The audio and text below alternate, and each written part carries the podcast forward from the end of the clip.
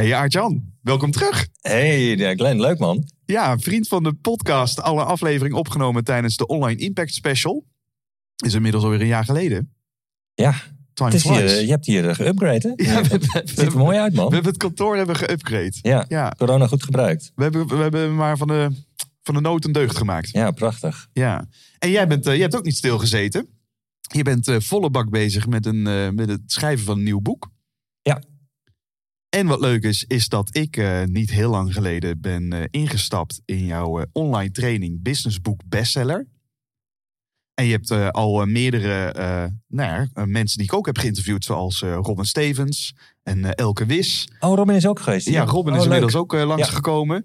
Eh, nou ja, die, die, die hebben bij jou ook de training doorlopen. En, en, en die zeggen ook zelf, nou dat heeft mede daardoor, eh, mede door eh, jouw hulp, eh, zijn zij nummer één geworden op managementboek.nl. Ja, ze hebben het heel goed gedaan. Ja. En dat is eigenlijk de belofte die jij doet met de training.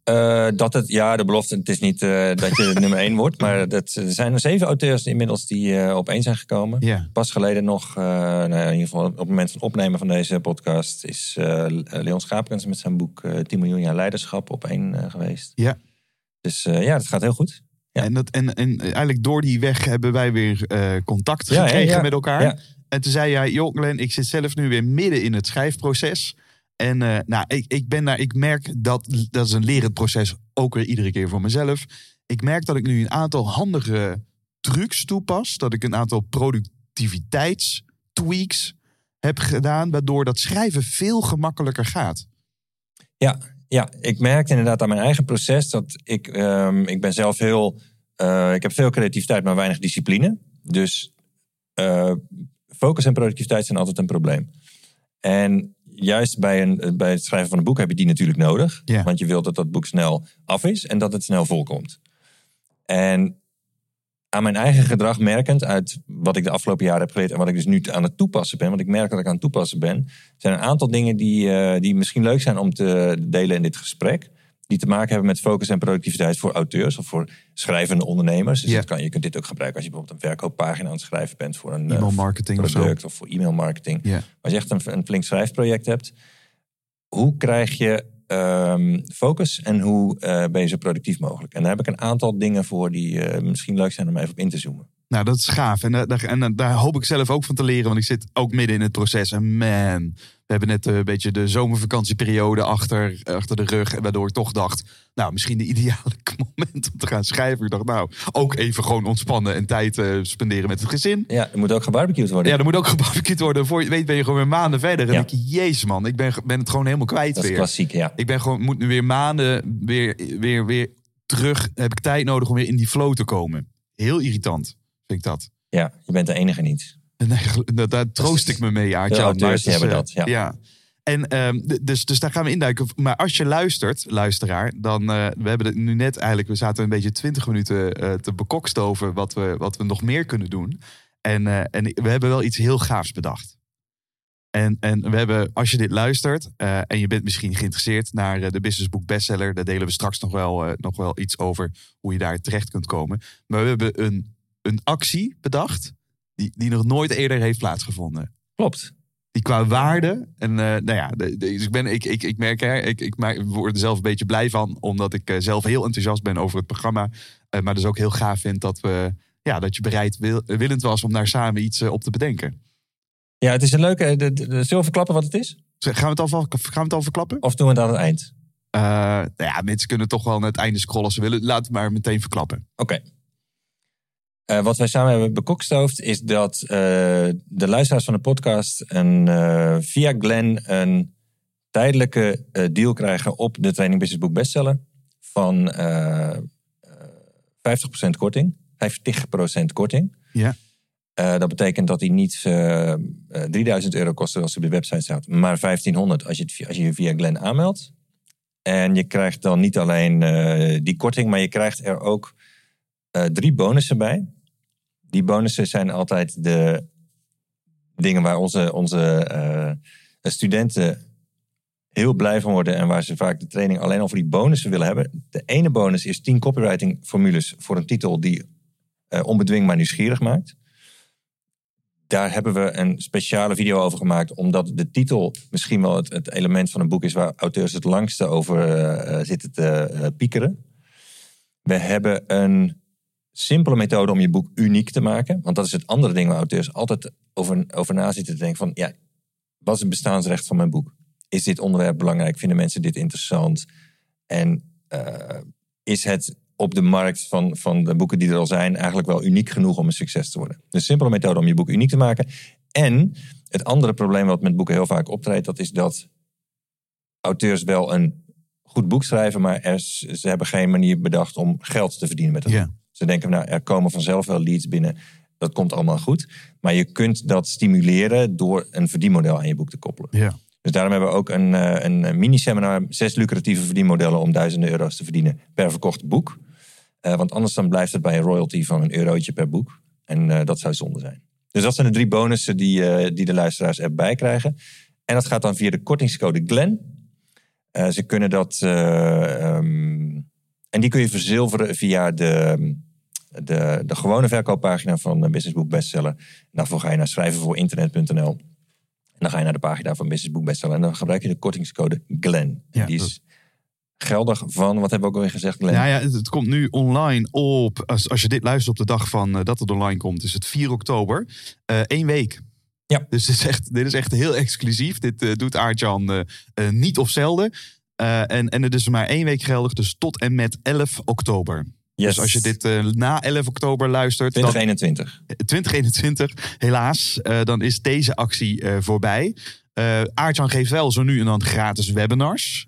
Uh, misschien daar dan, misschien uh, als, als je dit dus na 11 oktober luistert. Ja, dan kun je alsnog naar die, naar die pagina van Business Book Bestseller gaan. Dan kun je daar een e-book vinden met een oh, aantal ja. van mijn beste tips om met je boek op één te komen. Ah ja, dus er is een gratis e-book. En, en ik moet zeggen, er zijn bijvoorbeeld Bas Wouters, die het boek Online Invloed heeft geschreven.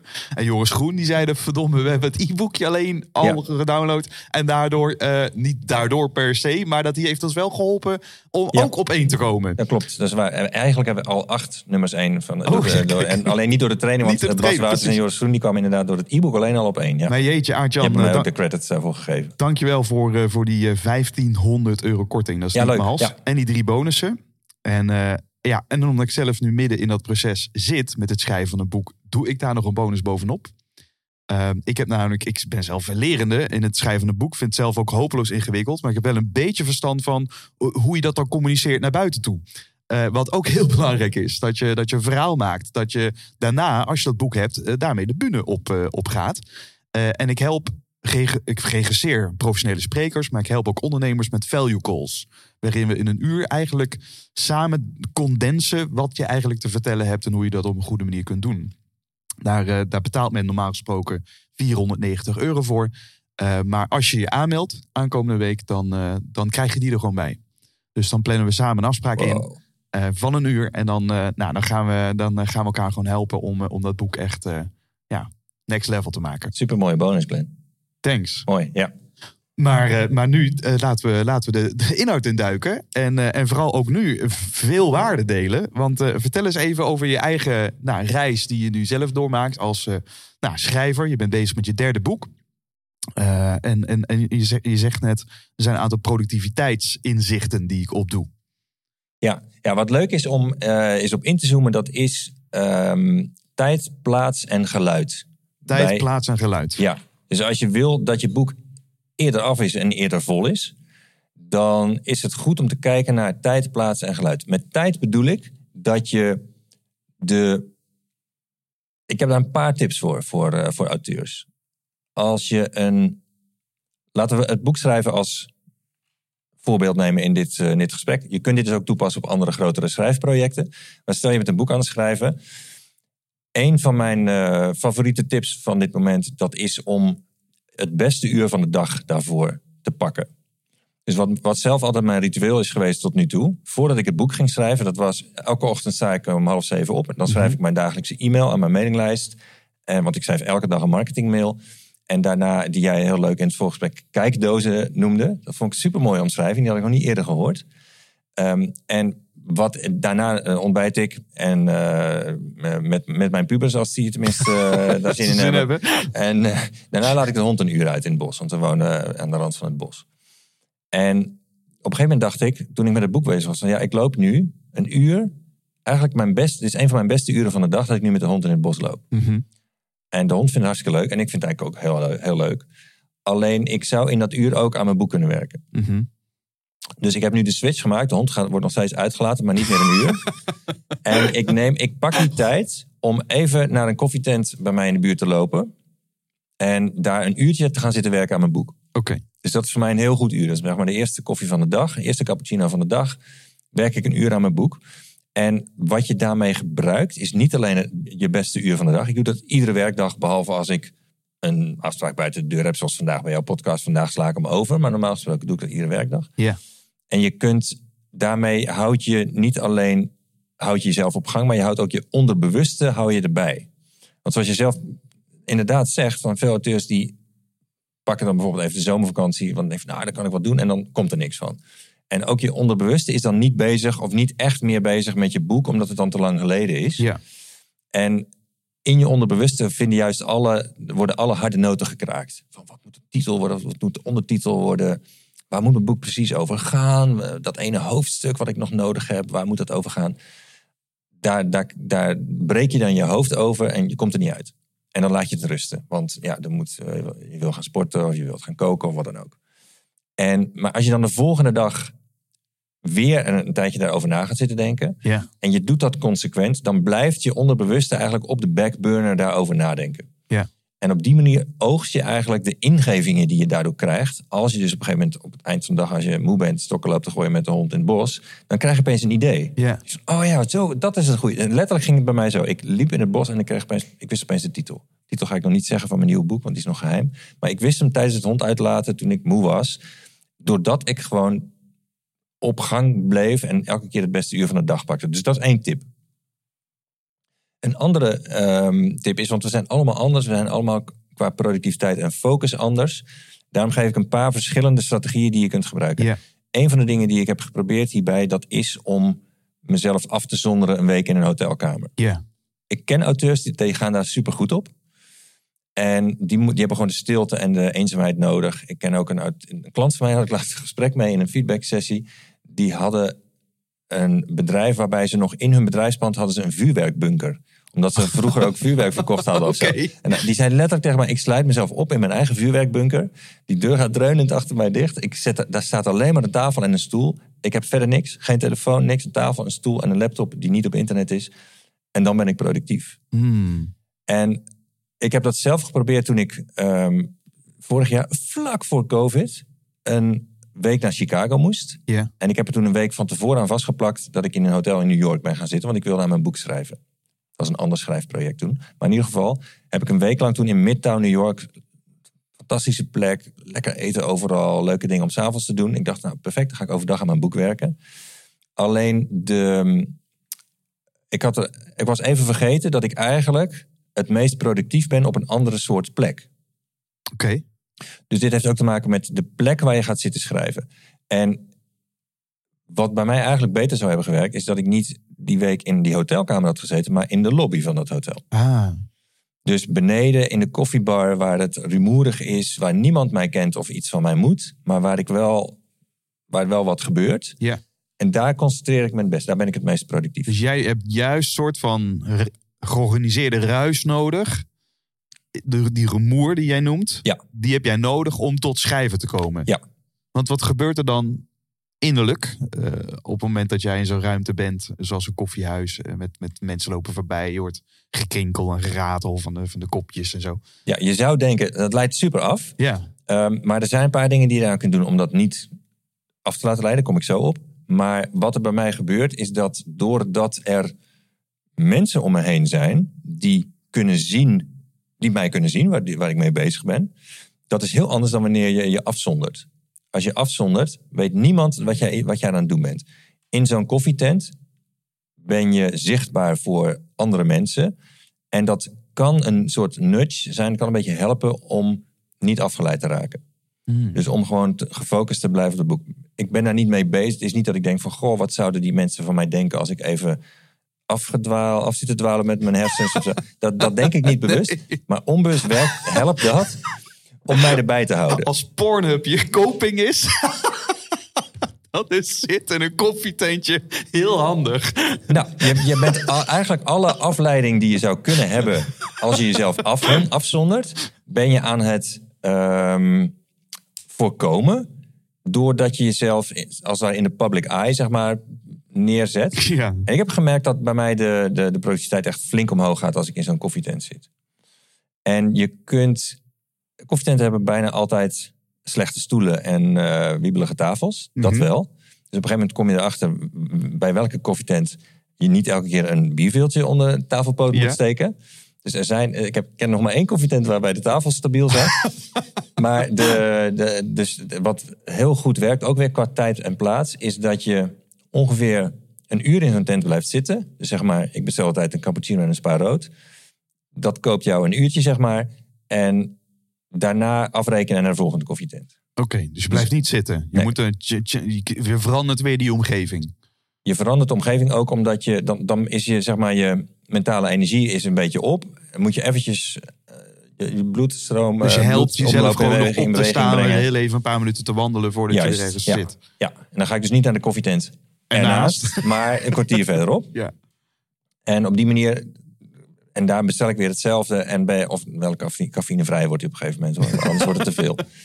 Maar dan hou je jezelf ook op die manier eh, scherp. Dus dat is ook ehm, voor, voor. Dit zeg ik niet omdat iedereen productief is in koffietenten, maar als je. eh, mijn tip is eigenlijk: zoek een omgeving op waar jij die jouw productiviteit ondersteunt. Ja.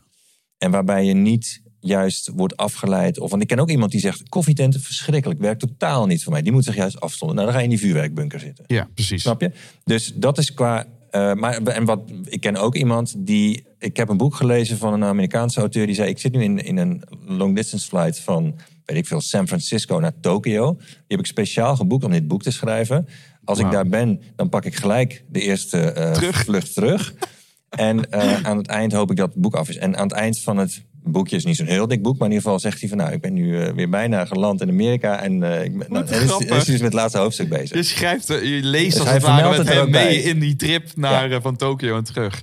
Ja. Ja, het is, het is, dus, dus je noemt al twee dingen. Even destilleren. Dus ga op zoek naar je meest productieve moment van de dag. Ja. Dat is in jouw geval in de ochtend. Maar dat was dan dat uurtje waarmee je met de hond aan het lopen was. Die heb je omgeturnd naar een uurtje koffie, een koffietentje. Ja.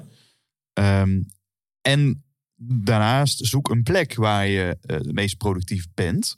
Maar, maar of je nou de bunker neemt of eh, in een koffietentje zit, dat zijn wel allebei andere plekken dan waar je normaliter zit.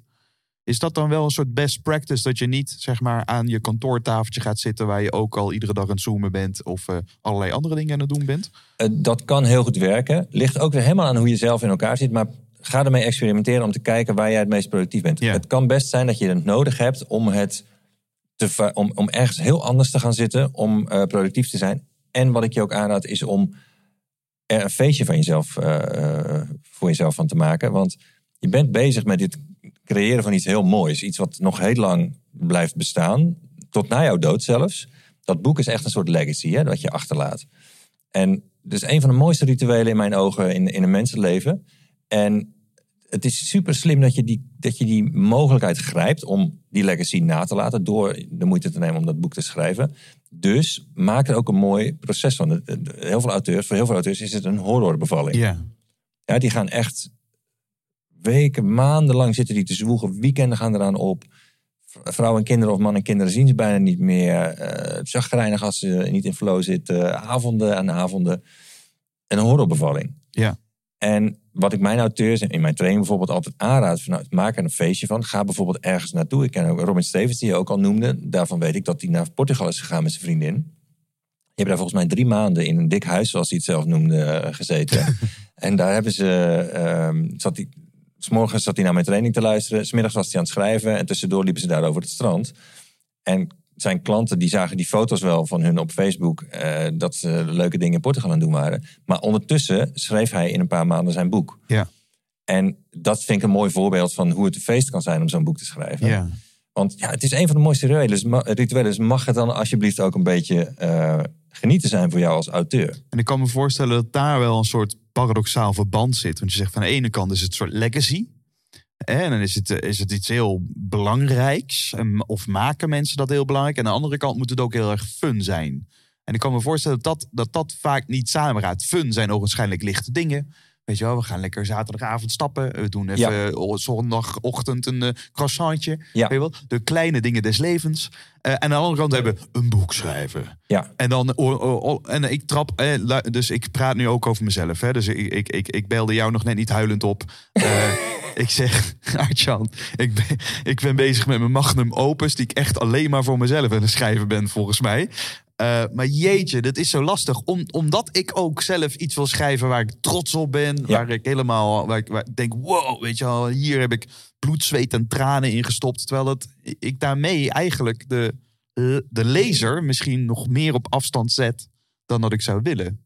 Ja. Kun, kun, je, kun je ons meenemen waar, waar, waar, welke fout jij schrijvers ziet maken, waardoor dat zo lastig wordt? Ja, ja, dat is een heel goed punt. En dat zie ik inderdaad bij auteurs die beginnen met een boek of die er al een tijdje over nalopen te denken.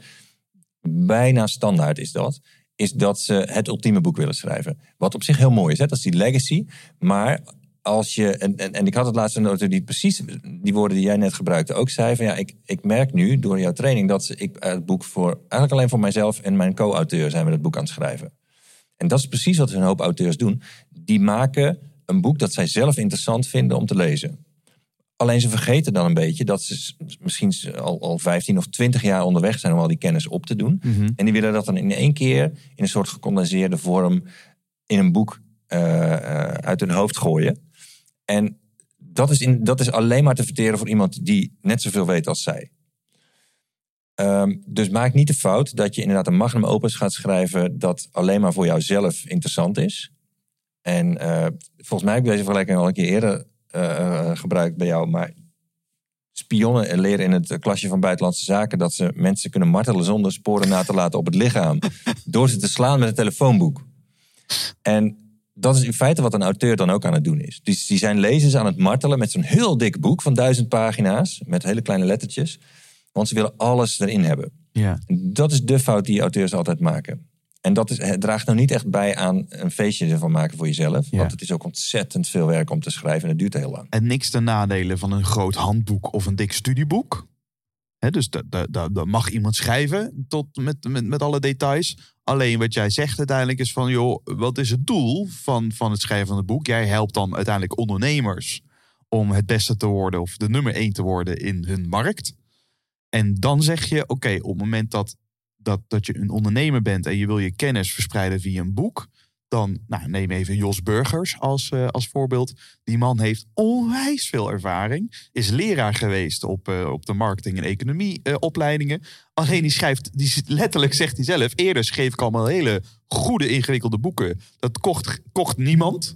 En nu schrijf ik hele handzame, kleine, gezellige boekjes. En, en dat is dan vrijwel ieder boek wordt managementboek... het meest verkochte managementboek van het jaar. Ja. En hij zegt, joh, uh, het enige switch die ik heb gemaakt is dat ik leuke boekjes ben gaan schrijven. In plaats van ja, hele informatieve verhalen die gewoon ja, de niche misschien koopt. Maar dan meer dan een paar honderd stuk zul je er dan niet slijten. Ja. ja, iemand moet het studieboek schrijven. Alleen als je een studieboek schrijft, dan wordt het meestal niet een bestseller. Ja. Want het is alleen geschikt voor hele droge kost. Maar als je zoveel mogelijk bereik met je boek wil en je wilt er zoveel mogelijk klanten door krijgen, dan kun je maar beter een boek schrijven dat een bestseller wordt. Liefst een, een nummer één bij managementboek, omdat ja, daar hoef je niet eens krankzinnig veel boeken voor te verkopen. En je hebt daarmee eigenlijk marketing goud in handen. Want je hebt Ja. dan, dat kun je de rest van je leven blijven zeggen. Ik ben nummer één bestseller auteur. Al heeft hij maar één dag op één gestaan. Ja. En dat vergeten auteurs wel eens dat het eh, dat, dat eigenlijk een soort heilige graal is als je een zakelijk boek schrijft. Niet, niet eens per se de bestseller status bereiken. Bij, voor een uitgever is meestal 5000 boeken verkocht, is bestseller status. Dan krijg je, krijg je een iets hogere royalty. Ehm, maar je hoeft echt geen 5000 boeken te verkopen om op één te komen bij managementboek. Mhm. Dat, kan, dat, dat zijn er echt een stuk minder. Als het maar binnen een korte periode gebeurt. Dus ehm, ja, maak gebruik van de status die dat jou verleent. En ehm, schrijf geen telefoonboek, maak geen, maak, maak geen magnum opus. Dat is ook een van de, de productiviteitstips die ik aan auteurs geef. Van, kijk nou wat een leuk boek is, wat licht verteerbaar is. En op die manier vinden mensen het ook leuk om dat door te vertellen. Je kunt het vergelijken met wat Arjen Lubach doet in de, in de wereld zeg maar, van de actualiteitenprogramma's. Die zijn meestal heel uh, gorddroog en serieus. En supergoeie achtergrondinformatie, alleen leiden niet tot kamervragen. Mhm. Als Lubach een onderwerp pakt, dat heeft al meerdere keren tot kamervragen geleid. Ja, Terwijl hij een programma maakt om te lachen. satire. Ja, dat is heel interessant om dat te bekijken. Waarom is dat zo? Ja. Dat heeft ermee te maken dat hij het verpakt in entertainment. Ja. Als hij dat niet zou doen, dan is hij gewoon een van de talkshows. Maar nu zorgt het voor kamervragen. Ja. Dus al meerdere keren echt heeft dat eh, tot verandering in het politieke landschap en de besluitvorming geleid. Daar zit natuurlijk een soort genialiteit verborgen. Want het is natuurlijk verschrikkelijk ingewikkeld om ingewikkelde dingen eh, heel eenvoudig te maken. Eh, begrijpelijk voor een breed publiek. En daar humor aan toe te voegen. Dus er. Zit, er zit wel knappe, knappe redacteuren een week lang te ploegen. Om, om, om, om dus de juiste brokjes content te rijgen. Zodat nou, uiteindelijk dan op zondag die presentatie. Ja, dat, gegeven daar zitten een paar van de, denk van een paar van de beste satirici van Nederland zitten daar in die redactie. En dat is inderdaad, die lat ligt daarvoor ligt heel hoog. En want wat, wat zij willen is, iedere paar seconden willen ze een lach. Ja, Dus dat, die lach ligt extreem hoog, dus, eh, die, die lat. Dat is niet per se nodig in een boek. nee. Je boek is geen satire, dat hoeft niet een, eh, je hoeft niet mee in de schouwburg te komen of zo. Maar wat wel handig is, is dat het boek leuk is om te lezen. Ja. Dus eh, dat je met je lezer de koffer mee in mag. Dus als je, eh jij bent net een, een tripje naar Parijs geweest, eh, vertelde je. Ja. Nou, en eh, veel mensen die hebben dan liefst alleen een rolkoffertje, want dan gaan ze sneller door de bagage heen. En dan kunnen ze dus maar heel weinig boeken meenemen. En als ze dan een stapeltje boeken hebben klaar liggen, dan gaat er meestal maar eentje in de koffer, want het past niet meer. Ja. En dan wil je dat jouw boek dat boek is, dat de koffer mee in mag. Eh, omdat ze al door de cover en door het even te bladeren denken van, ah, dit is de leukste. Ik neem deze lekker mee, want eh, ik weet toch wel dat ik die serieuze boeken niet ga Ja. Dat is het eigenlijk. Ja, dat is, een- dat is een mooie vergelijking. Elke Wis gaf me er ook nog één toen ik met haar eh, sprak eh, kort geleden. Die zei van, joh, eh, heb jij in potentie het boek wat mensen eh, elkaar willen geven voor Sinterklaas? Precies. En het, dus, dus hè, is dat een leuk boek die mensen denken op, op, op de, in de schappen zien liggen en denken, oh, die pak ik in. En, en die geef ik iemand voor Sinterklaas. Nou, zo'n zo'n zo'n telefoonboek ga je niet geven voor Sinterklaas. Daar wordt Nee. echt niemand vrolijk van. Nou, je misschien aan je schoonmoeder erbij. Ja. maar, maar ja, maar dat, is- als je kijkt naar het, het gigantische succes, en dat is natuurlijk toch ook wel een, een, een ja, soort uitzondering eh, die met kop en schouders eh, ja, boven de verkopen van elke, van elke bijvoorbeeld. 50.000 Ja. plus boeken verkocht. Inmiddels eh, gaat het eh, volgens mij nog boven de 60. Ja. Het is ongekend. Maar. Socrates op sneakers, briljante titel. Ja. Eh, goede ondertitel waarin het duidelijk wordt waar het over gaat. Een eh, filosofische gids voor het stellen van betere vragen. Ja. Ja, en dan een leuk, eh, een leuk boek om te lezen, vooral. Eh, maar wel met onwijs eh, goede, praktische, maar ook inzichtelijke eh, tips en verhalen over waarom het zo moeilijk is om eh, goede vragen te stellen. Ja. Dus, En ja, zij, zij is ook ondernemer, hè? zij heeft ook een business eh, Ja. waar dat boek aan bijdraagt. En het is, een boek is in feite een marketingtekst die je schrijft en die mensen dan vervolgens bewaren in hun woonkamer, op, op de mooiste plek in hun woonkamer. Er staat namelijk een speciaal meubel dat ze gekocht hebben daarvoor. Dat is de boekenkast. En daar bewaren ze dat vaak tot hun dood.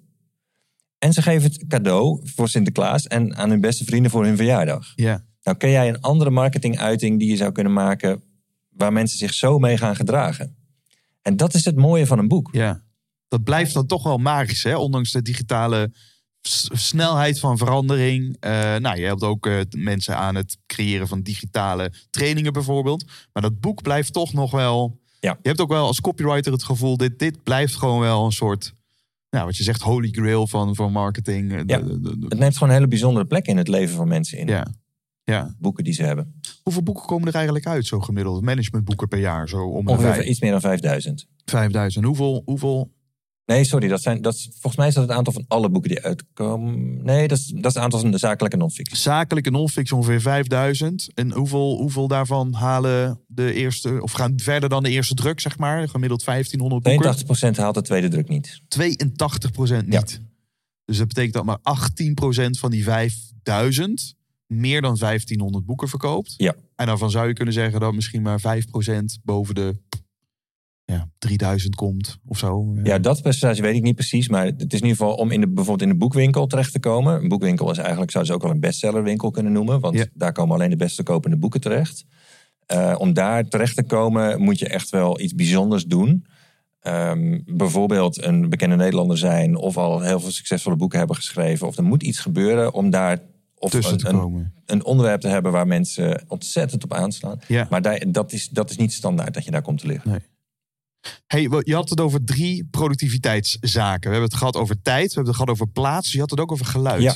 Geluid hebben we nog niet besproken. Want als je dan in zo'n koffietent bijvoorbeeld zit, of je zit ergens waar het heel stil is, dat kan ook afleiden. Ehm, dan kun je gaan denken ook, wa- wat, wat doe ik op mijn doppen? Dus waar ga ik naar luisteren wat mijn productiviteit weer kan, kan stimuleren? En er zijn er ook weer afhankelijk van je persoonlijkheidstype en hoe jouw brein werkt, zijn, heb ik een paar tips voor je. Eén daarvan is, laat je telefoon thuis. Hmm. Want, nee, dat hoef ik niet uit te leggen. Ehm, Common sense, not common practice. Precies. En doe je laptop niet op de wifi van de koffietent. Dus kijk niet wat de wifi-code is in het menu of op het krijtbord. Niet op de wifi gaan. En wat je in plaats daarvan doet, is dat je... en Maar je wilt wel muziek op hebben om geluid een beetje te blokkeren. Oké. Eh, wat je bijvoorbeeld zou kunnen doen, dat is... Sony heeft weer, eh, brengt weer Walkmans uit. Ik weet niet of je eh, ook een Walkman hebt gehad eh, in de jaren gehad, ja. 80 met Ja. cassettebandjes. Ik weet niet hoe oud jij bent. een maar... kekke blauwe had ik van Sony. Ja. Ja, met zo'n auto-reverse erop. Nou, daar gingen dan cassettebandjes in. En ehm, datzelfde logo wat op die Walkman stond van Sony... dat zetten ze nu op digital media players. Dat is een klein kastje dat ongeveer nou, een telefoon... maar dan is het nog een stuk kleiner. Alleen er zit geen microfoon op, je kunt er niet mee bellen. Maar er staat wel Android op. En daar kun je dus Spotify op installeren. En eh, een playlist daarop downloaden, offline. Even eh, voor alle gekken, want je hebt natuurlijk iPod-generatie gehad. De MP3-spelers hebben natuurlijk een, een revolutie gehad. Ja. Ze komen er nu weer serieus weer apparaatjes op de markt. Omdat ze geen internet hebben of je niet meer kan bellen. Puur om de afleiding eh, te Ja. kunnen blokkeren. Zodat je gewoon kunt focussen op het luisterboek wat je aan het luisteren bent... of die online training of die playlist, Wauw. podcast. Ja. Oké. Dus dan zet je Spotify bijvoorbeeld erop of je podcast app en dan download je een aantal dingen. En vervolgens, eh, dat ding ga je natuurlijk ook niet mee op de wifi van de koffietent. En dan heb je die muziek heb je bij je. Ehm, en wat je dan kunt doen is kiezen welk soort muziek je gaat gebruiken om je te focussen. Eén manier om ervoor te zorgen in zo'n koffietent heb je natuurlijk geroezemoes. Je kunt, als je pech hebt, op een tafeltje anderhalve meter van jou vandaan zitten twee mensen keihard te beppen. Ja. Ja, die is of zakelijk te bespreken. En dat gaat, dat, die praten allemaal door de, door de stem in jouw hoofd heen. Merk gewoon dat dan typ je gewoon op moment de woorden die je gewoon hoort. En je denkt, wat? Precies, dat gaat niet. Dus je hebt iets nodig wat net die stemmen onverstaanbaar maakt. En wat je dan kunt doen is een, een wall of sound. Dus een, nummer aanzetten dat gewoon een hoop herrie is. Waar weinig luchtbellen in zitten, waar weinig pauzes in zitten. Eh, ik, ik luister nu naar het nummer and Soda van Deus. Dat is een Belgische band. En dat is een nummer met, met zang. Alleen ik kan niet verstaan wat ze zingen. Dat is ook belangrijk. Ja, Oké. En het is een hele bak herrie. Finse muziek. En die had het ook. Dat is het leuke, ja. En vindt ze hard, hard rock of zo. En die zet ik aan net dat die, die stemmen zeg maar, bedekt worden. En uitge, uitgegumd door die. Dat is één. Wat je ook kunt doen is, eh, wat ook echt veel mensen gebruiken om focus te bevorderen, is barokmuziek. Dus Bach. Ja. En consorten. Eh, omdat het rustgevend is. En ook, maar er zitten, meer, er zit veel meer zachte stukken in en pauzes in. Dus dat, In een koffietent werkt dat Dus iets minder. Tchai- Tchaikovsky is iets, iets, iets te hard. Iets te... uh, right in your face. En dan zeg je Bach, dat, dat, dat, dat, dat eh, zit wat meer op... Ja, die, die, die barokmuziek is wel. Het wordt zegt het Pachelbel wel. en Het is, zo. het is, zit veel, het is veel. Het is veel, veel tierenlantijnen en zo. Ehm, dus dat op zich, daardoor wordt ook alles een beetje weggepoetst waar je last van zou Ah, ja. kunnen hebben in omgevingsgeluid. En, en een derde is wat ze noemen high frequency music. Dat doet iets met je brein. Ons brein heeft een hele hoge overcapaciteit. Dat heb ik van Mark Tichelaar geleerd, van de, de auteur van Focus aan uit. Ja. Ons brein is een supercomputer. En als wij proberen te focussen op een boek, is het in staat om ook nog aan drie andere projecten tegelijkertijd te werken. Zoals we allemaal helaas eh, maar al te goed weten. Ja. En om je brein wat te doen te geven, zodat jij kunt kun je dingen doen. Je kunt bijvoorbeeld gaan, gaan fidgeten, gaan friemelen met een, een, een eh, fidget spinner of met een pennetje of een Ja. elastiekje. Eh, maar je kunt ook, eh, maar dat is alleen niet zo handig als je moet typen. Eh, je kunt ook high frequency music opzetten. En daarbij heb je een iets andere frequentie op je linkeroor als op je rechteroor. Dat werkt dus alleen bij headphones. Ehm, en ik was heel slecht in natuurkunde, dus Wat het betekent, ik heb geen idee. Maar daar is je, is je, brein, trilling. daar is je brein druk mee. Ja, En zorgt dat je makkelijker kunt focussen op dat ene ding wat je wilt doen. ja. Dus dat zijn drie soorten, drie opties zeg maar in muziek die je kunt kiezen. En wat ik ook wel Mark heb horen vertellen is dat je kan je brein framen. Dat hoor ik ook wel van sprekers die als het ware hun eigen pump-up song hebben. Dat is natuurlijk een van de vragen ook in mijn eh, podcast. Want het is een nummer wat je graag luistert voor of na het spreken. En dan eh, verbaast me echt hoeveel mensen dus daadwerkelijk een nummer opzetten. Een specifiek nummer voordat ze op moeten. Ja. En dat helpt hen om dus in die staat te komen. Ik heb, ik heb het met slapen. Ik, ik ben een verschrikkelijk moeilijke slaper. Ik kom slecht in slaap. En ik was dus in Parijs, binnenstad, afgelopen weekend. Nou, takken herrie, jongen, buiten. eh, de hele nacht door, hè. Gewoon Ja, de dat enige uren dat het gewoon rustig is, is tussen zes en acht. Ja, dat is zeg maar het moment dat ik, dat ik zeg maar mijn nacht slaap gehad wil hebben. Ja. Eh, dus, maar ik heb dan een, een playlist. eh sleep is gewoon een sleep playlist of- op Spotify. Eh, maar, maar die nummers, die, ja, dat is ook gewoon een beetje een soort ambient met af en toe lichte pianomuziek er doorheen. Maar mijn, mijn brein is nu gewoon zo gewend aan, hey, die playlist komt. Ik mag tukken. Dat dat me echt helpt om daardoor, door het geluid van de herrie van buiten, om, om, om sneller in slaap te vallen. Mooi. Omdat er framing zit op die liedjes. Maar daar moet je vrouw dan ook wel van houden van die, Nee, van dat is die gewoon playlist. eh, oortjes. Doe je je oortjes in bij het slapen? Ja, dat heb ik nu. Heb je eh, daar geen last van?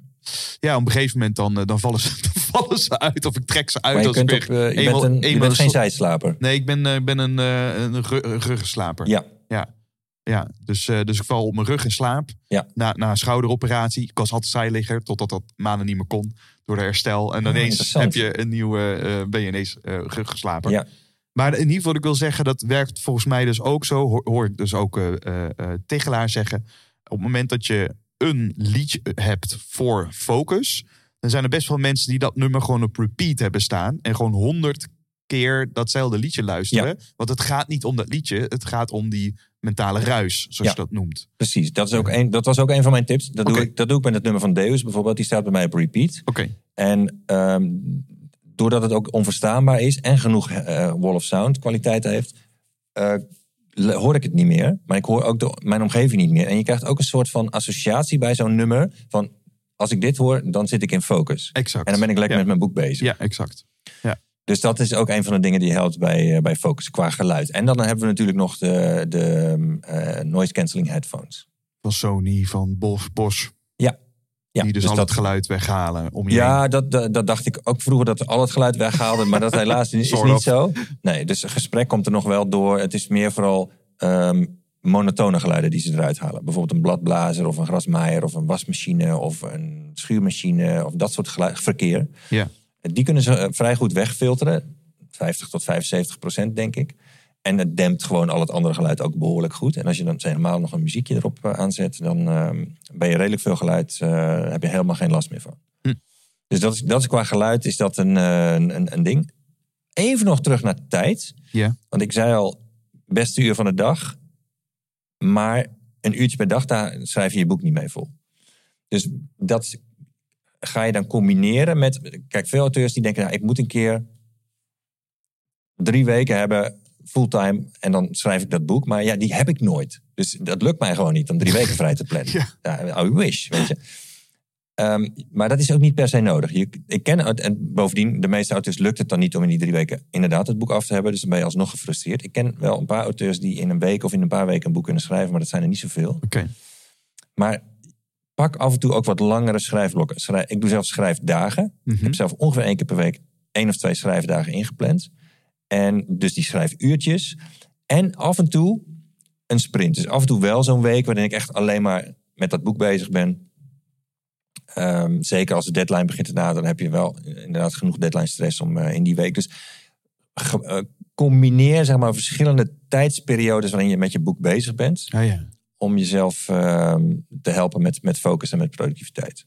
Ja, want ik, ik, ik ging nog aan over dat uurtje. Wat jij zei van, joh, ik heb het dan bijvoorbeeld vandaag ingewist. Hè? Je, zit nu bij mij, dus je hebt dat, uur, dat schrijfuurtje niet kunnen doen.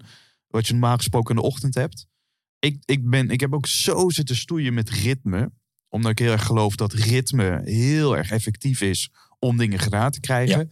deze podcast hangt helemaal vast aan ritme. En Ja. dat is gewoon echt de reden dat ik nog nooit een aflevering eh, heb gemist in drie jaar tijd.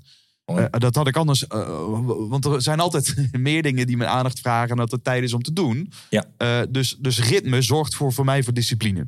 Mooi. Alleen dat uurtje, ja, jij zegt ik ben nu dan even afspraak buiten de deur. Ik sta drie, vier, soms vijf dagen per week voor een groep. Dus ik ben altijd buiten de deur. Of Ja. wel dat ik er voor Zoom klaar moet staan. En ik merk dus in de ochtend, creatief zijn en productief vind ik een lastige combinatie. Dus ik moet, ik moet als het ware tijd kwijt kunnen raken om, om echt tot een creatief proces te komen. En als ik dus denk van shit, ik over een half uur moet ik klaarstaan. Weet je, dan ben ik toch alweer bezig met die Ja. training. Ja. Wat vaak ook creëren is. Dus toch ook weer dat je moet weten wie zit er voor mijn neus. Wat willen ze horen? Ja. Hoe ga ik daar die aansluiting vinden? Dat, dat vraagt een mentale voorbereiding.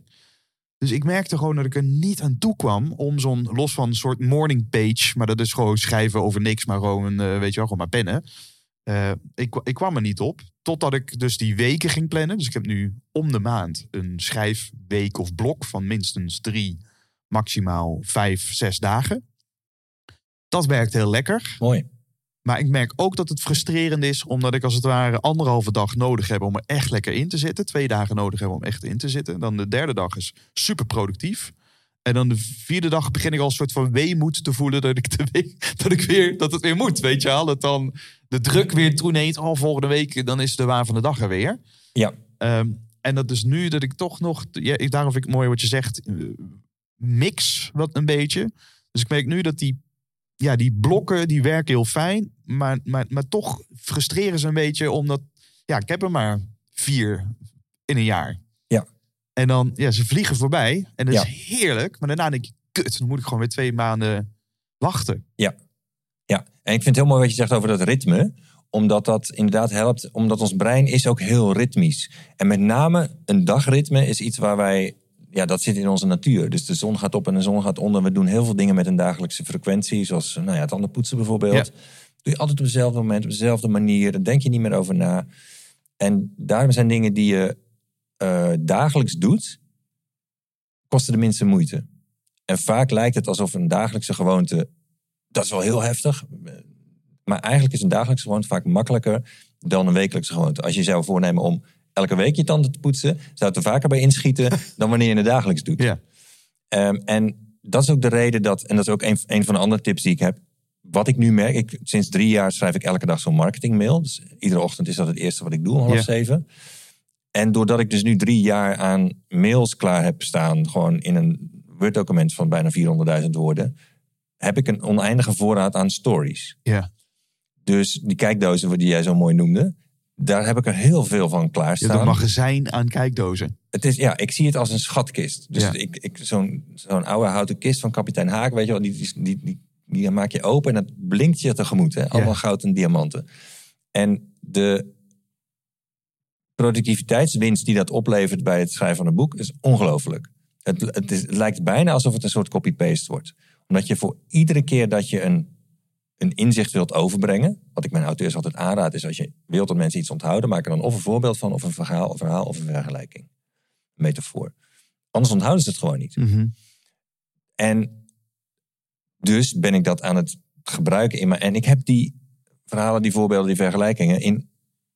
Ik kan ze opscheppen, zeg maar. Soms heb ik wel tien verhalen om hetzelfde punt te kunnen maken. Is het een soort van eh, keuzestress, wordt het dan Ja. bijna. En dat is een. ehm, ehm, mijn andere tip is dus ook om zorg dat je. ehm, de het beste wat je kunt doen is om dagelijks te gaan e-mailen. Dus je mailinglijst dagelijks te gaan e-mailen in de vorm van voorbeelden, verhalen, vergelijkingen. Want het kost je de minste moeite om dat op te brengen. Het kan ook een dagelijkse podcast zijn. Ik combineer dat ook. Ik maak van die mails ook podcasts. En ehm, dat is, kost je over de lange termijn de minste moeite. En het levert je op het moment dat je verhalen nodig hebt, bijvoorbeeld bij het schrijven van een boek, heb je zoveel klaarstaan dat het schrijven enorm verspoedigd wordt. Dus het gaat veel sneller dan je anders zou hebben gehad. Wanneer je iedere keer dat je aan het schrijven bent, heb je even een story nodig, moet je gigantisch gaan zitten graven. Ja. Ja, dus, dus het verzamelen van materiaal along the way. Ja. Dat is wel super belangrijk. En dat herken ik in, het, in, een, in een, ook weer een fout die ik neig te maken. Is dat ik ehm, heel veel consumeren niet produceer. En wat ik daarmee bedoel is dat ik het ook nu weer in Parijs, weet je wel, dan heb ik een paar audioboeken mee. Ik heb een paar normale boeken mee. Eh, en dan vind ik het heerlijk. Alleen dan nu denk ik weer, shit, het is weer maandag. Wij zitten tegenover elkaar. Ja, ik heb, ik heb die content die ik geconsumeerd heb in een weekend, heb ik niet gedestilleerd in brokjes. Mhm. En ik weet dat ik het gewoon aan het einde van de week is, is gewoon die, die input die ik heb verzameld, ben ik gewoon weer kwijt. Het is gewoon verneveld. Mm. Eh, en, en daarbij, eh, jij zei net, laat je telefoon thuis. Of eh, laat je telefoon, ja, als je weggaat, laat je telefoon thuis. Zet je de computer in de wifi. Ik merk dan, dan ga ik typen. En dan krijg ik ineens een ingeving. Oh, ik heb een keer TED Talk daar gezien. En Ja. die zei dat. Oh, of ik, ja, wat was het nou ook alweer? Er stond in dat boekje stond dat. En dan ga ik alsnog weer Ja. consumeren terwijl ik bezig was met schrijven. Ja. En dan zie ik de hele middag voorbij gaan. En dan heb ik weer ja, leuke lezingen zitten te kijken. Of Ja. zit ik weer een half boek uit elkaar te pluizen. En denk ik, ja, shit. Dat is ook een klassieker. Maar dat kun je fixen door een, eh, een standaardcode te hebben. Dus als je, bij mij is het drie apenstaartjes. Die kan ik makkelijk met eh, Ctrl-F eh, vinden in mijn document. En daar zet ik dan TED Talk van Pietje Precies even opzoeken. En dan ga ik dat later, op het moment dat ik weinig energie heb... of, of ik stuur het aan mijn team... Ja. Eh, om even daar de, nou, het belangrijkste punt uit die TED Talk te halen. Zodat ik dat op een ander moment, zonder dat ik daarvoor online hoef te gaan... weer kan gaan, gaan Ja, uitwerken. dus dat moet je niet doen tijdens het schrijven. nee, want dan haal je, je helemaal uit je flow. Ja, we doen dat daarna. Laat het iemand doen. Of wa- wat dan ook. Maar Ja. maak daar een... jij doet Alle uitzoekdingetjes. ads. Jij doet gewoon ad en ja, dan maakt niet uit. Het kunnen ook drie, ja, drie hekjes zijn. Maakt Dat je niet uit een codetje hebt waardoor je makkelijk kan zoeken of zo. Ja, zodat je al die plekken in je document heel makkelijk even kunt vinden. Ah ja, dat is een goede tip. Ja, en eh, nu we toch over zeg maar, tooling eh, bezig zijn. Ik heb, en dat is mijn laatste tip. Dat is een, een tip die gaat over een tool die je kunt gebruiken bij het schrijven. Waar ik zelf heel enthousiast over ben. Dat is, ehm, als, kijk, als je een lang document aan het maken bent, zoals een boek. Dan is, dat, is Word is daarvoor niet zo handig. Hmm. Want dat is meer voor korte documenten gemaakt. Oh. Zullen ze, zal Microsoft misschien niet helemaal mee eens zijn. maar de, de meest gebruikte functies zijn eigenlijk vooral voor korte documenten handig. Maar als je het eh, over hebt over een, een document van tienduizenden woorden. Met heel veel ehm, niveaus in de inhoudsopgave en, enzovoort. Dan is het heel moeilijk om daar nog overzicht over te hebben. Dan moet je echt gaan scrollen. En dat gaat op een gegeven moment wordt het ook nog langzamer, dat document en zo. Ja. En een tool die daar speciaal voor gemaakt is voor auteurs, die heet eh, Scrivener. Daar, daar schrijf ik tegenwoordig mijn boeken en mijn verkooppagina's in. Scrivener, S-C-R-I-V-E-N-E-R. Mhm. Ik heb geen affiliate eh, band met ze. Het kost ook niks. Het is een paar tientjes kost dat ding. Het is eenmalig. Het is niet eens een, eh, een abonnement. Of zo. Nee, het is echt heel goedkoop. En je hebt daarmee een tool die speciaal is voor het eh, schrijven van manuscripten en lange documenten. Hmm. Je hebt in je, aan de linkerkant heb je het overzicht van je document. Dus je kunt heel makkelijk klik, klik, klik even naar een ander hoofdstuk of naar een ander onderwerp springen. Kunt daarmee ook makkelijk eh, dingen verplaatsen. Die kun je ver- in die boomstructuur die je links hebt, kun je dat makkelijk even verslepen. Het is bijna een soort combinatie van de verkenner of de finder en een Word-document. In de zin dat binnen het document krijg je allemaal subdocumentjes. Alleen in, als dat echt aparte Word-documenten zouden zijn, dat is heel, heel moeilijk te combineren. Moet je ook helemaal openen, Ja. duurt tijd, het kost tijd. Hier is het allemaal onderdeel van het ene document, maar het zijn, eh, dingen, het zijn dingen die je makkelijk kunt verslepen, verplaatsen, even uit het document halen, in een soort overflow documentje zetten. Het werkt super handig voor auteurs. Je kunt er, een, er zit een sectie waarbij je even afbeeldingen neer kunt zetten. eh, eventueel filmpjes op webpagina's. Nou, die webpagina's die zet ik er dan neer als een integrale kopie van die pagina. Niet als een link, Oké, want ik ben niet online. ja, exact. Dus op die manier kun je ook je research erbij verzamelen. En op die manier, ja, dat werkt voor de, voor de focus en productiviteit van auteurs. Werkt dat super. Dat is er ook echt voor gemaakt. Wauw. Wat, ja, eh, Scrivener. Scrivener, ik ken het nog niet. Ga het uitchecken. En ik kan me voorstellen, je moet het even zien om, om helemaal feeling te krijgen. Wat je, Je moet het even zien. Je moet ook een beetje eh, je eigen maken. Ja. Maar het, het helpt mij ook weer bij, eh, bij focus en productiviteit. Dus dat aanrader. En ik ken ook mensen, de, mag ik, dus de Scrivener ga ik, ga ik zeker uitchecken. Ehm, misschien twee, twee, kort twee andere methodes die, die kan toevoegen aan de manier waarop je dus je teksten ordent en, eh, en creëert, zodat je uiteindelijk tot je boek komt. Mhm. Eh, ik zie, ik weet, heb je, is het een vul, vulpen? Ja, hè? Ja. Je hebt een echte vulpen. Ik ken ook meerdere mensen die toch gewoon op A4-formaat zo'n mooie ordner kopen, zoals jij dat hebt. En, eh, en zoals ook Jos Burgers, die schrijft al zijn boeken met vulpaan op papier. Ja. Dus die zegt het, mijn, mijn mentale flow is anders wanneer dat ik schrijf op papier dan dat ik typ. Dus voor sommige mensen blijft dat een soort fijne manier om te creëren. Ja. Los van het eh, diligeren of het, eh, het hoe noem je dat ook alweer? Wat je daarna komt, het, de punten en de comma's, het editen. Ja. En wat ik, waar ik wel gecharmeerd van was, is de index-methode die bijvoorbeeld Robert Greene of Ryan Holiday gebruikt. Ryan Holiday over, die schrijft veel boeken over stoïcijnen. Ja. En die heeft dan die koopt van die indexkaartjes, Ja. iets kleiner van A3. En gewoon ieder, ieder onderwerp, da, dat is een apart indexkaartje. Overal waar die komt en hij ziet gave dingen, maakt hij indexkaartje van. En hij heeft dus op een gegeven moment gewoon zo'n bak met allemaal Ja, indexkaartjes. dat zijn van die kaartenbakkaartjes, dus zeg maar. kaartenbakkaarten, waar je vroeger inderdaad... Kleine eh, kaartjes, ja. Kleine kaartjes, Ja. eh, iets groter dan visitekaartjes, waar je vroeger adresgegevens van mensen in zou doen. Heel ouderwets. Maar het is een he- hele fijne manier om visueel te ordenen. Dus op het moment dat je structuur wil aanbrengen in jouw boek, dan is het heel Ja. fijn. Dat doe ik ook met eh, sprekers. Dan gebruik ik gewoon geeltjes. Ieder onderwerp van, eh, van, van, van iets wat je als in je spreekbeurt wil doen, is een geeltje. En we gaan daarna puzzelen met die geeltjes. We gaan daar structuur in aanbrengen. Ja. En op het moment dat je die structuur brengt, dan wordt het een soort invuloefening. Wat veel fijner en overzichtelijker werkt dan.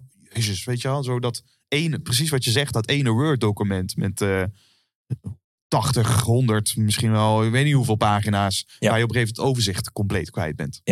Ja, mooi. Ja. Dus dat zijn, eh, jeetje man, we zijn eh 51 minuten. De eh, tijd vliegt. tijd. Is fun when you're having flies. Ik eh, denk dat we wel een, eh, wel een bulk aan tips hebben gegeven. Ja, leuk. Ja, ik denk het ook. Dus, eh, als jij misschien nog één vraag van mijn kant. Als je kijkt, dus je derde boek. En je tweede boek maakt ze gek. werd niet alleen nummer één op managementboek.nl, maar ook werd best verkochte boek. Ik kan me voorstellen, daar voortkomende heb je business, eh businessboek bestseller training gemaakt. Wat doe jij nu in het derde boek anders dan bij dat tweede boek? Een van de dingen waar ik eh, op een andere manier nu tegenaan kijk, dat is ehm, het gebruik van social media. Hmm.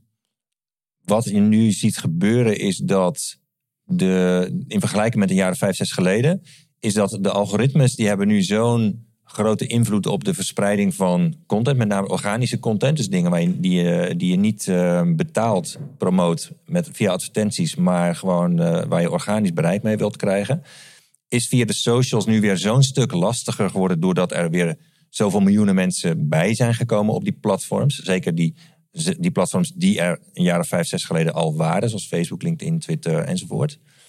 Ehm, dat je ziet nu heel veel mensen moeite hebben om nog een beetje bereik te hebben. Ook op YouTube bijvoorbeeld met video's. Om daar nog wat views op te krijgen is gewoon echt heel lastig geworden. Of je moet een YouTuber worden. Dus je moet echt vol een strategie hebben waarin je bijvoorbeeld zoals eh, nou ja, de YouTubers elke dag één of twee video's op dezelfde tijd, hetzelfde format, keihard knallen op, eh, op één kanaal. Dan kun je daar nog eh, succesvol mee worden. Maar dan ben je dus, zoals Dan Kennedy het altijd zegt, een slaaf op de plantage van iemand anders. Je bent eigenlijk alles aan het doen op een platform dat niet van jou is. Ja. Podium dat niet jouw podium is. Om daar succesvol te zijn. En je bent heel kwetsbaar doordat iedere keer als, de, als het podium ten onder gaat, of de, het algoritme verandert, of de voorwaarden verandert, daar heb jij geen invloed op. Maar dan kan opeens jouw bereik Nul. nul zijn of heel klein zijn. Ja. Dus die afhankelijkheid van social media, daar zeg je, daar, daar, daar, daar mag je Ja. of wil je niet meer echt afhankelijk van zijn. Het, het is een gevaarlijke strategie om jezelf daarvan afhankelijk te maken. Als je, eh, kijk, als je het voor de fun doet, maakt niet uit. Maar als je als ondernemer social media gebruikt en je wil daar zakelijk bereik mee hebben, is het gevaarlijk om daar jezelf af- afhankelijk van te maken. Ja. Dus Wat doe jij nu anders? Mijn tip aan, auteur, aan auteurs en wat ik zelf ook doe, is om te zorgen dat je ook een eigen podium daarnaast hebt. Gebruik rustig social media als je dat wilt.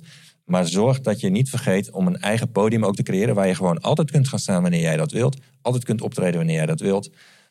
Er geen filter of algoritme zit tussen jou en, en jouw mensen. Dus ze kunnen altijd als jij iets zegt, dan horen ze dat. Niet zoals op Facebook dat maar een heel klein deel van de timelines wordt getoond bijvoorbeeld. Ehm, en nou, er zijn natuurlijk een aantal. Een boek zelf is daarvan ook al een voorbeeld. Een boek is ook een onderdeel van jouw eigen podium. Omdat Ja. dat ook, daar zit ook geen algoritme tussen jou en je lezer. Podcast is een prachtig voorbeeld, omdat het ook nog niet echt werkt met algoritmes, hoe dat wordt verspreid. En ehm, op, die manier ben ik dus ook met in, in promo voor mijn boek ehm, veel minder bezig met, met de socials. Omdat ik weet van ja, ik bereik gewoon heel weinig mensen meer. En ik ben veel meer aan het focussen op mijn eigen podia. Dus eh, eigen podcast, externe podcasts, eh, boeken. Alles wat je kunt doen binnen een membership. Alles wat je kunt doen via je eigen podia aan promo. In plaats van eh, alleen maar kijken naar, eh, naar externe podia zoals social, sociale netwerken. Ja, want daarvan zeg je dus YouTube valt dan wel al onder een soort van sociaal eh dat media is nog, echt een algoritme-netwerk. podcast nog niet echt. Nee, ja, podcast dat gaat net iets anders. Dus de, eh, het wordt via RSS verspreid over allerlei verschillende ehm, apps waar je podcast beluistert. Ja. En dat, daar komt het overal terecht. Plus dat iedere podcast is ook een eigen ehm, zoekresultaat in Google bijvoorbeeld. Google is natuurlijk op zich ook een algoritme. eh, wat je, wat je, is ook zo'n monster wat je moet voeren. Als je daar succesvol wilt zijn in Google, moet je eigenlijk ook een hele zoekmachine-strategie Ja. hebben, zoals we al weten. Ehm, maar in ieder geval binnen Google kun je dus ook, ben je met iedere podcastaflevering afzonderlijk, ben je alweer zichtbaar en vindbaar. Hmm. En ehm, in feite zijn er in Nederland heel weinig podcasts. Zou je niet zeggen, toch? Zou je niet zeggen, omdat er zoveel over wordt gepraat. Maar er zijn honderdduizenden YouTube-kanalen in Nederland alleen al. En er zijn maar iets van, ik geloof, nog geen 6000 podcasts in Nederland. Hm. Dus eigenlijk is dat een hele slimme investering van je tijd als je bereik wilt hebben met, eh, met mooie content.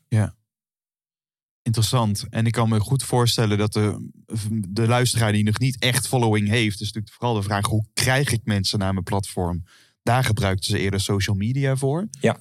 Ehm, want ja, ik kan, ik kan mijn eigen platform hebben, mijn eigen blogsite, maar dan kan ik roeptoeteren. Maar meer dan mijn vrouw, mijn kinderen en, eh, en, en die vriend, weet je wel, sociaal wenselijk, komen niet heel veel mensen op die website eh, terecht.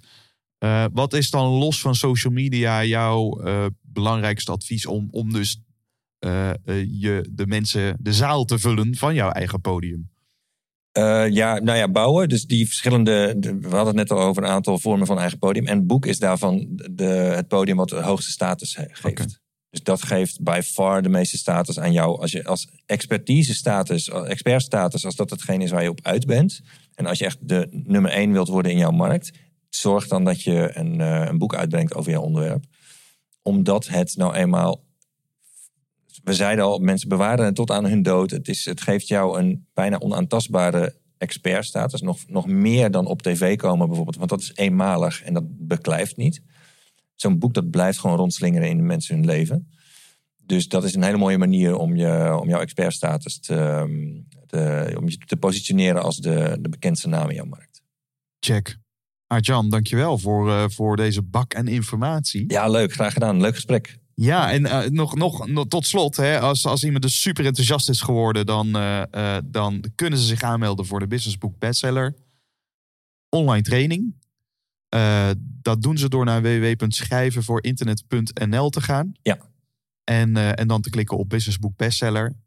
Nog één keer, Artjan, wat, wat ontvangen mensen als ze binnen een week van, van de online komen van deze podcast, als ze zich inschrijven?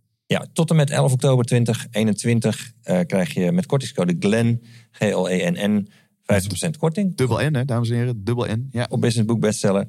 Plus de drie bonussen. Ehm, de eerste is 10 copywriting formules voor een titel die onbedwingbaar nieuwsgierig maakt. Een titel van je boek.